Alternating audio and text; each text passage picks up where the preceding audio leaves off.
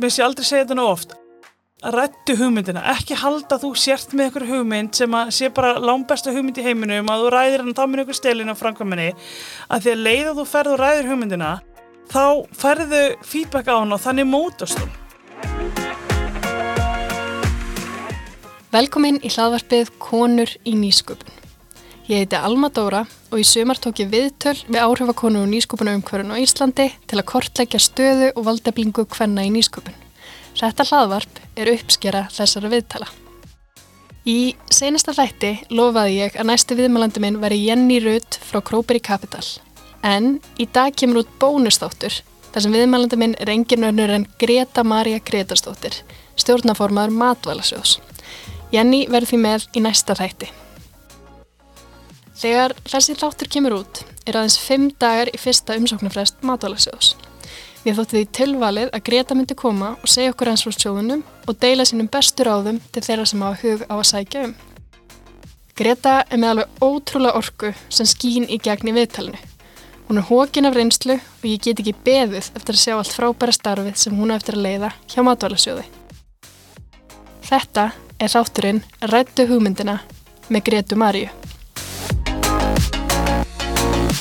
Sæl Greta Sælblöðsett. og velkomin til mín. Takk hérlega fyrir. Hvað segir gott í dag? Ég segi bara allt þetta fína. Mjög gaman að fá að koma og ræða konurinn í sköpun. Frábært. Getur sagt mér bara svona aðeins frá þinni vegferð? Já, kannski svona stutt átgafan, svona það bara vinnuferillin. Ég fór í verkfræði Háskóla Íslands og í mistarnáminu mínu þá tók ég hlut át á Ítalíu og þar fekk ég rosalega áhuga á svona vörþróun og hönnun. Og hvernig maður á að koma með nýja vörur á markað, hvernig er tímapunktur að koma með nýja vörur á markað um, hvað þurfa að hafa fram með aðra vörur sem eru til staðar hvað er maður að staðsýta vörurna sínar og svo framvegs svo kom ég heim og gerði lokaverkunum mitt og gerði það sem sagt um vörþróun og vörþróun getur náttúrulega verið svona sem er einhverju vörur sem eru alveg nýjar fyrir heiminum eða vörur sem eru þá sagt, einhverju umbætur á vörur sem eru nú þegar til staðar. Þannig að þetta er rosa svona vítt. En hefur bara hjálpað mér í svo mörgu sem ég hef verið að fást við. Ég fór fyrst eftir að ég eða, sagt, með mistarnáminu var ég reyndir alltaf að vinna í upplýsingatekni og þar var ákveðum vörðtróðan, maður var líka alltaf að spá í þessu þar. Svo fær ég reyndir inn í bankageran og það er náttúrulega líka bara eins og í vörðtróðan þetta að frista konsepti það setja ekki ákveðunum þú veist það sé búið að skipta ferlinu upp í ákveðina fasa þannig að þú þart að standast einhverju kröfur þess að geta farið með vöruna áfram í ferlinu.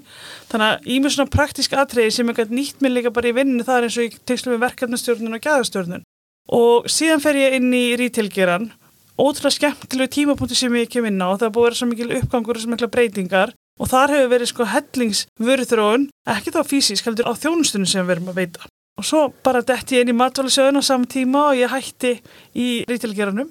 Það er svona stutta útgáðan. Þannig ég komið svona viða við og einhvern veginn bakgrunnirinn úr verkfræðinni og það sem að mér fannst skemmtilegast eins og þessi vöruþróun hefur bara nýst mér, já, bara einhvern veginn í gegnum allan ferilinn. Nú er þetta ekki þitt fyrsta rótu og þegar kemur að því að sitja í stjórn fyrirtækis eða bara stjórn yfir höfuð.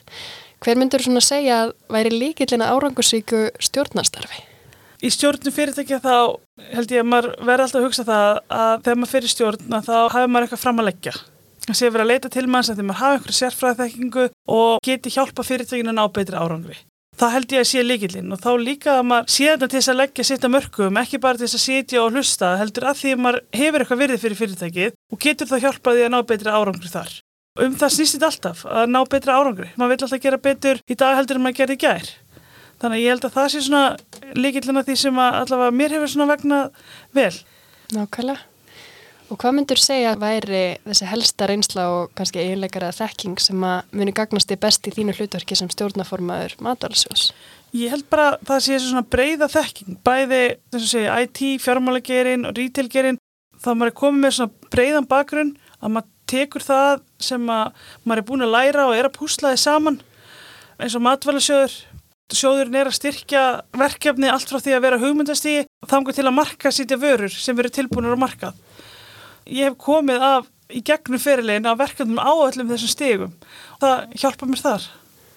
Og veitir þið kannski eitthvað skilning á algjörlega og ferlinu og líka það bara eins og ég segi þegar maður er frumkvöld að með eitthvað hugmynd og vill koma henni á framfæri það er að svo rosalega mörg að higgja og það er líka þegar maður er með hugmynd og gengur með henni í maðanum mér sé aldrei segja þetta nú oft rættu hugmyndina, ekki halda þú sért með eitthvað hugmynd sem að sé bara lámbesta hugmynd í heiminum að þú ræðir hann þá með eitthvað stelinu á framkvæminni að því að leið að þú ferð og ræðir hugmyndina þá ferðu feedback á hann og þannig mótast hún. Og maður hefur séð það að til dæmis, nú hefur ég verið mentor í svona okkur viðskiptarhælum að þau verkefni sem að fara í gegnum viðskiptarhælana þau eru mótari og þegar þau eru að koma og ræða við fjárfæstu og annars líkt til þess að fá fjármagna verkefninu þá eru þau með skýrari sín á hvað þau vilja gera og það er rosalega mikilvægt fyrir fjárfæstu að koma inn og segja herri okkur þau vita nákvæmlega hvert þau eru að fara í staðan fyrir að koma og þú veist þetta er frábær hugmynd en það er ekki alveg búið að setja upp hvernig þú ætlar að framkvæmna og hvernig þú ætlar að ná árangrinum það skiptir máli eins og segja að vera búin að hugsa út í svo rosalega marga þætti og þegar þú ert að ræða hugmyndina þá færðu feedback á svo misjafna þætti eftir við hvernig þú ert að tala. Líka ef að það er auðvelt að stela hugmyndinu þinni, er það þá hugmynd sem eða svirðið að elda? Nákvæmlega, ég segi líka oft sko, við erum á Íslandi og auðvitað er alveg eitthvað sem við erum einstakki í og eitthvað sem við náum að gera undan öðrum en það er rosalega oft hannig ef maður er með einhverju hugmynd þá er líka einhver annar með hana. En það er spurningum hvor næra framkvæmina betur á hrindinni framkvæmt betur, skipilegina betur, koma fjármagnunað og ef þú ert búin að ræða hana og hugsa út í fleiri hluti í kringum hugmyndina, þá er líklega hún sé mótari og það er endilega að, sé fjármagn. En ef að þú ert, eins og segi, bara allir að fara að sækja fjármagn og ert bara búin að hugsa hugmyndina sjálfur, þá er hún veintilega ekki eins held að hún gæti verið. Nú kannski hugsa maður um nýsköpun og frumkvölastarfsemi sem ykkur svona akkurat startup pælingu en þú hefur verið að vinna hjá stórum fyrirtækjum líka. Hvaða hlutverk spila nýsköpun þar? Gríðarlega mikilvægt að því ef þú þróast ekki og ert ekki að koma með nýjar vörur eða þjónustur fyrir viðskiptarnarna þá bara endan dyrðu. Kanski svolítið dramatísk að segja þetta svona en það er bara þannig. Þú heldist úr lestinni að þú verður eftir á. Ég segi alltaf bara, umhverju breytist rosalega hratt. Viðskiptarnarni breytast svakalega hratt líka og ef þú breytist ekki líka þá myndu sitja eftir. Þannig að þú verður að þróa þína starfsemi og það er aðferði sem þú ert að nota í reksturnum til þess að koma til móts við þarfir viðskiptaðunina og oft ertu líka að koma með eitthvað nýtt sem að viðskiptaðunir eru ekki vanir og það er þetta sko eitthvað sem að þörfin hefur ekki ennþá skapast fyrir. Þegar þú kemur það og kennir fólki og ert svona aðeins undan það er líka rosa gott því það er svona gefið þér oft smá fórskot á hérna að vera undan að nýta sér tæktina Þannig að ég held bara eins og segja, nýsköpun í fyrirtækjum, hún, bara, hún verður að vera til staðar og það er kannski oft triksið að kúlturinn til þess að það sé lægi að gera mistök, að því maður gerir, ekki nokk spilnum, maður gerir fullt af mistökum í þróuninni þegar maður er að prófa eitthvað nýtt, að það þarf líka að vera til staðar. Að að þú gerir mistök, þá bara gerðu það helst en snemma það getur í ferlinu og lærðu það þeim, það er sem maður er að gera, lærðu það mistökunum og haldu svo áfram að þróa og það er bara, eins og sé hvort sem að sést fyrirtæki sem eru búin að vera þú veist, til staðar í 100 ár eða, og fyrirtæki sem eru orðin, svona við getum kallað gömul, þau eru pottit ekki að gera hlutin eins og það gerðu þau fyrir 100 árum eða fyrir 50 árum því þá væru þau ekki til lengur. Það eru allir sem að verða þróast. Það er engin að gera bókall lengur í höndunum af því að það bara er engin skilvirkni því og þá væri kostnæðarinn á mikil þannig að fólk er að þróast og þú þarfst ekki bara að gera þetta til þess að auka skilvirknuna fyrir þig heldur þú þarfst líka að gera þetta til þess að auka skilvirknuna fyrir viðskiptafinna. Það er greinilegt að Greta Maria hefur mikla reynsli í nýsköpun, hvort sem það er hjá smáum eða stórum fyrirtækjum. En hverju er hún spentust fyrir í nýja hlutverki sínu sem stjórnanfarmaður Matvalasjóðs? Já, það er náttúrulega búið rosalega gaman að koma svona smíða umgerðina að sjóðunum. Við njótu við góðs að því að það eru fleiri sjóður og við erum að horfa til hvernig þeir hafa verið uppbyggðir og hvað hefur gengið vel þar. Við þurfum ekki að finna neitt upp hjólið. Þannig að við erum að nýta okkur það sem hefur verið velgjert þar og í þessu kannski hlutverki það er bara svo gaman að sjá alltaf hvað er mikið gróska. Það kemur mann alltaf smá óvark hvað eru svakalega margi sem eru með góður hugmyndir. Ég er verkfræðingur en ég veit ekki hvort ég sé alltaf svona mikið inn í kassanum Ég get alveg hjálpa hugmyndum að komast áfram en ég er ekki alltaf eitthvað uppfylla hugmyndum að eitthvað nýjungum. Þannig að mér finnst þetta rosalega gaman að sjá hvaða er mikið gróska og hvaða er mikið flottum hugmyndum sem eru alltaf að poppa upp. Getur þau sagt mér aðeins frá sjóðunum? Matvæli sjóður er að sjóður sem að settur á laginna núna voru 2020 og er með það hlutverk að styrkja þróun og nýsköpun í matalaframlöslu. Og það eru tveir fyrirrennarar sjóðsins, eða maður orðað þannig, sem eru framleginisjóður og AFS. Báðir flotti sjóðir sem eru búin að vera að gera fína hluti, en núna erum við að reyna að hugsa þetta þannig að segja, herðu, við erum lítið land, við erum í matalaframlöslu, getum við haft eitt sjóð sem að stýður við okkar grunngreinar í sjávartvegi og landbúnaði og líka þá er möguleika þekkingar yfirfæslan úr annað greinina yfir hín að verði meiri. Þannig að það er grunnir sem við erum að gera, er að styrkja þess að þróna nýsköpum. Við viljum koma að sem fjölbreyttistu verkefnum og líka hvar verkefnin eru stödd ef við getum orðið þannig í lífsferlinum. Allt frá því að maður er bara með einhverju hugmynd sem maður er ekki búin að hugsa mikið út í en vil fá tækifæri til þess að skoðuna betur eða það eru bara einhverja grunnrannsóknir sem muni hjálpa okkur að vera með meiri sangjafnisefni eftir bara 5 eða 10 ár, jafnvel ennþá lengra. Þannig að það eru svona grunnrannsóknar þáttur. Þannig að hvort sem að það eru fyrirtæki eða ofinbjörðar aðlar sem er að skoða einhverjar rannsóknir, það er líka mjög spennandi því það er líka eitthvað sem við getum mögulega flutt út síðar. Síðan er það bara verkefni sem eru komin að þessu hugmyndastíði en ekki tilbúin til markasetningar og það er líka náttúrulega rosalega breið flóra og bara Já, alls konar verkefni, hvort sem að þessi þróun á ferlum eða nýri tækni eða bara nýjum vörum og síðan ekki síst, þá er það markastyrkir. Og þá er það bæði til að marka setja vöru hérna innanlands en líka til að styrkja fyrirtæki til að sækja á nýja markaði. Og það er bara allur heimurinn undir, við vitum það að afröðnar sem við eigum hérna heima eru mjög góðar. Og það eru margir að sækjast eftir, við erum með reynd vatn og við erum með reyna sjó og við erum með græna orku og þetta er það sem aðra þjóður oft hafa ekki. Og þess vegna eru vörur sem við gerum og framlegum hérna heima eftirsóknarverðar og sjálfsögðu eigum við að nýta okkur það í útflutningi. Algjörlega. Þið talaðu um fjóra mismunandi styrkja flokka. Hverjir eru þeir og að hvaða leiti eru þeir ólíkir?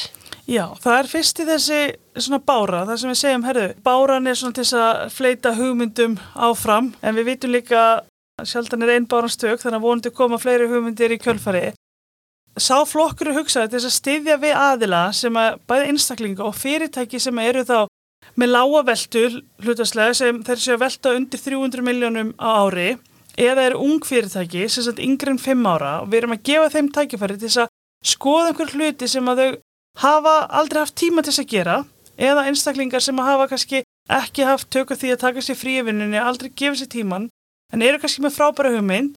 Þannig að nú er tækifæri til þess að sækjum styrk og styrkurinn er alltaf 3 miljónum króna og verkefni má taka 6 mánu þannig að þarna getur þau eins og segja bara tekið launulegsleifi og skoða hvort það meikið sens sem þú vilt gera auðvitað þarf maður að vinna eitthvað hluta sjálfur og skipulegja en það er þetta að kaupa sér líka hvort það sé mati í sig hafró eða hver sem er að maður þarf eitthvað stuðning eða eitthvað aðstóð þá er líka þetta að nota fyrir því að kaupa sér einhverja aðkjöfta þjónustu sem maður hefur ekki haft tök á að gera áður Þannig að þetta er hugmyndaflokkurinn okkar. Og síðan er það keldan, við segjum að keldan hún er svona uppspretta og við segjum að okkar kelda hún er uppspretta nýri þekkingu. Þannig að það er svona rannsóknir og þróun og þar eru herristyrkir og sá flokkur er ofin bara fyrir alla, geta allir sótum og þar eru tækifæri til þess að sækja um alltaf 30 miljónir og verkefni má taka að hafa margir 12 mánu. Þannig að það eru bara hvort sem þú sérst að sækjum í eitthvað heiltverkefni eða hvort það sækjum ákveðina verkþætti í einhverju rannsókn, það er bara opið. En þannig erum við að huga svona eins og segja verðmættasköpun til lengri tíma að það sé verið að rannsaka hvort einhver getur við búið til einhverju nýja þekkingu, einhverju nýja tekni sem hjálpar okkur að ná betra árangur bara sem þjóð. Og síðan er það afurðin.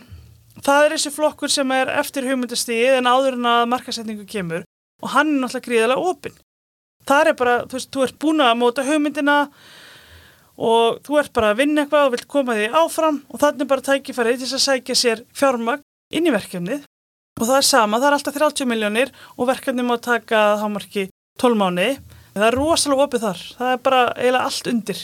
Bara þarf að tengjast maturaframislu og ég segi líka að það er svo mörg tækifæri, við eigum svo flott og það sem okkur tekist vel bæði sjáurutveginum og líka að sjálfsögja byrjaði landbúnaðinum að það er að nýta það sem að tilfellur og að kalla oft rusl hjá einhverjum að það eru verðmæti í því fyrir einhvern annan.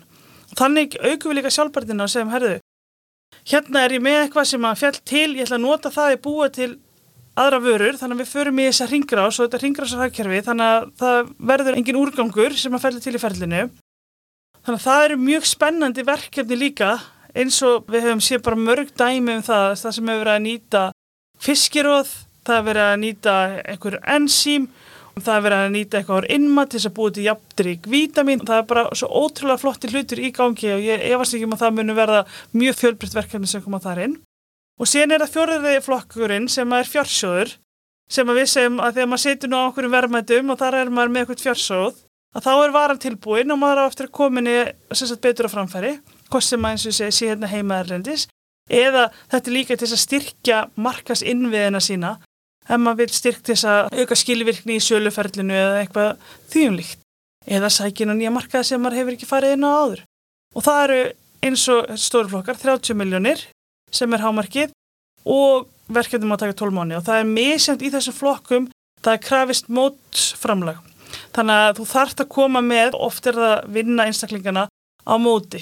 Þannig að þú getur ekki bara fengið styrk getur sótt um til dæmis 30 miljónir og kiftir einhver þjónustu fyrir það það er ekki hægt, það bara fara vel yfir eins og sé reglunar í sjónum við viljum að það verði líka einhver þekking eftir hérna hjá okkur þannig að maður getur bara ekki hérna kiftir einhver erlendar ágjöf en það er sjálfsögðu hægt að gera það fyrir hluta.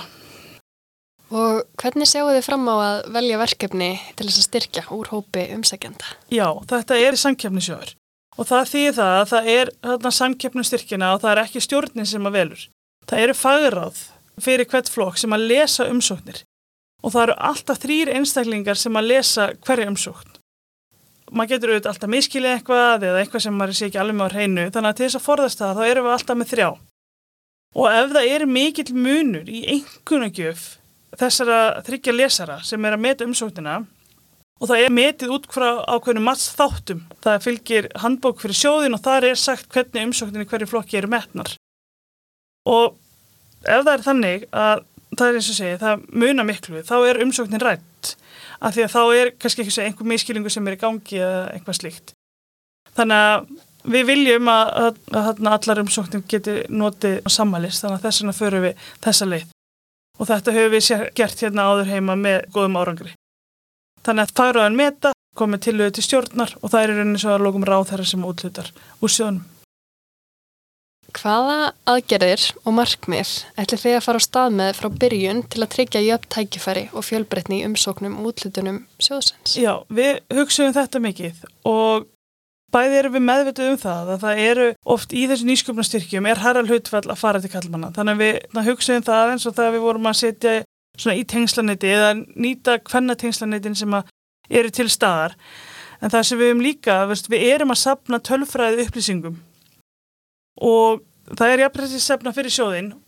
Ef að það hallar á annað kynnið þá sjálfsögur þurfum við að grípa til aðgerða og það sem við sjáum fyrir okkur að því auðvitað er það þannig og því miður þá svona búistu við því að það muni frekar halla á konur og að þær muni verða í minni hluta af styrkþöðum og fá minni upphæðir. Því það hefur bara sínt sig þegar að styrkir sem já, hafa verið veittir eru skoðaðir og þá er náttúrulega ekki að tala um matvælisjóðun, heldur aðri sjóður sem að við fengum upplýsingar um að þar eru harra hlutfall að kvöllum að fá styrki og þegar konunar eru svona svipulhutvalli þá eru þær yfirleitt að byggja um læri upphæðir.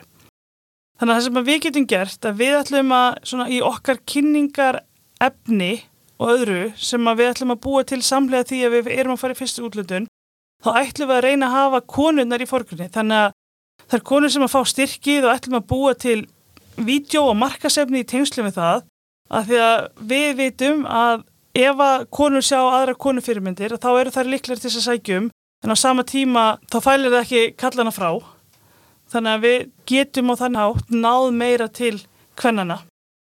Þetta er alveg spurning sem er mjög góð og við, við veltum líka fyrir okkur hverju eru skýringar á því að konunar eru minna í forsfari fyrir nýsköpunarverkefni og akkurju, nú hef ég verið aðstofa nokkur svona startafyrirtæki og það er yfirleitt öll verkefni leita köllum. Menn að konunar eru kannski öruga fyrirvinnan, ég veit það ekki og ekki tilbúinir að taka áhættu. Sem að velti fyrir sér hvað þetta verður til að konunar sækjum eða, sæk, eða sagt, ég er ekki að segja sækjum hvað verður það til í þjóðfélaginu að konunar er ekki tilbúinir að taka oft sömu áhættu og hætti vinnunum sinni og fari startup eins og kallanir þar finnst mér oft vera þessi sko stóra spurning. Hvernig getum við snúið því við að það sé bara jafn eðlilegt að konan fari og taki þátt í startupi? Og það er að auðvitað þannig það ert í startupi, það er oft það eru læri tekjur, það er meiri áhætta. En það er oft þannig að þær sé einhvern veginn örygga fyrirvennan en maðurinn getur farið einhvern veginn og lefst sér að taka áhættuna að hverju það sé þannig veit ég ekki og hvort það sé að því að bara í eðlisínu eru konur um, ekki eins áhættusegnar eða hvað en við sjáum samt og ofta að konur eru er eitthvað fyrirtæki og þessu starra hlutvölda stjórnundum að þá ná fyrirtækin betri árangri. Þannig að já, við höfum veltið svo mikið fyrir okkur. Við erum ekki með neitt enga tauralust en við ætlum allavega að reyna að gera okkar til þess að jafna hlutvöldin verði þau skökk. Og af hverju er þetta mikilvægt? Af hverju er mikilvægt að halda þessu til haga?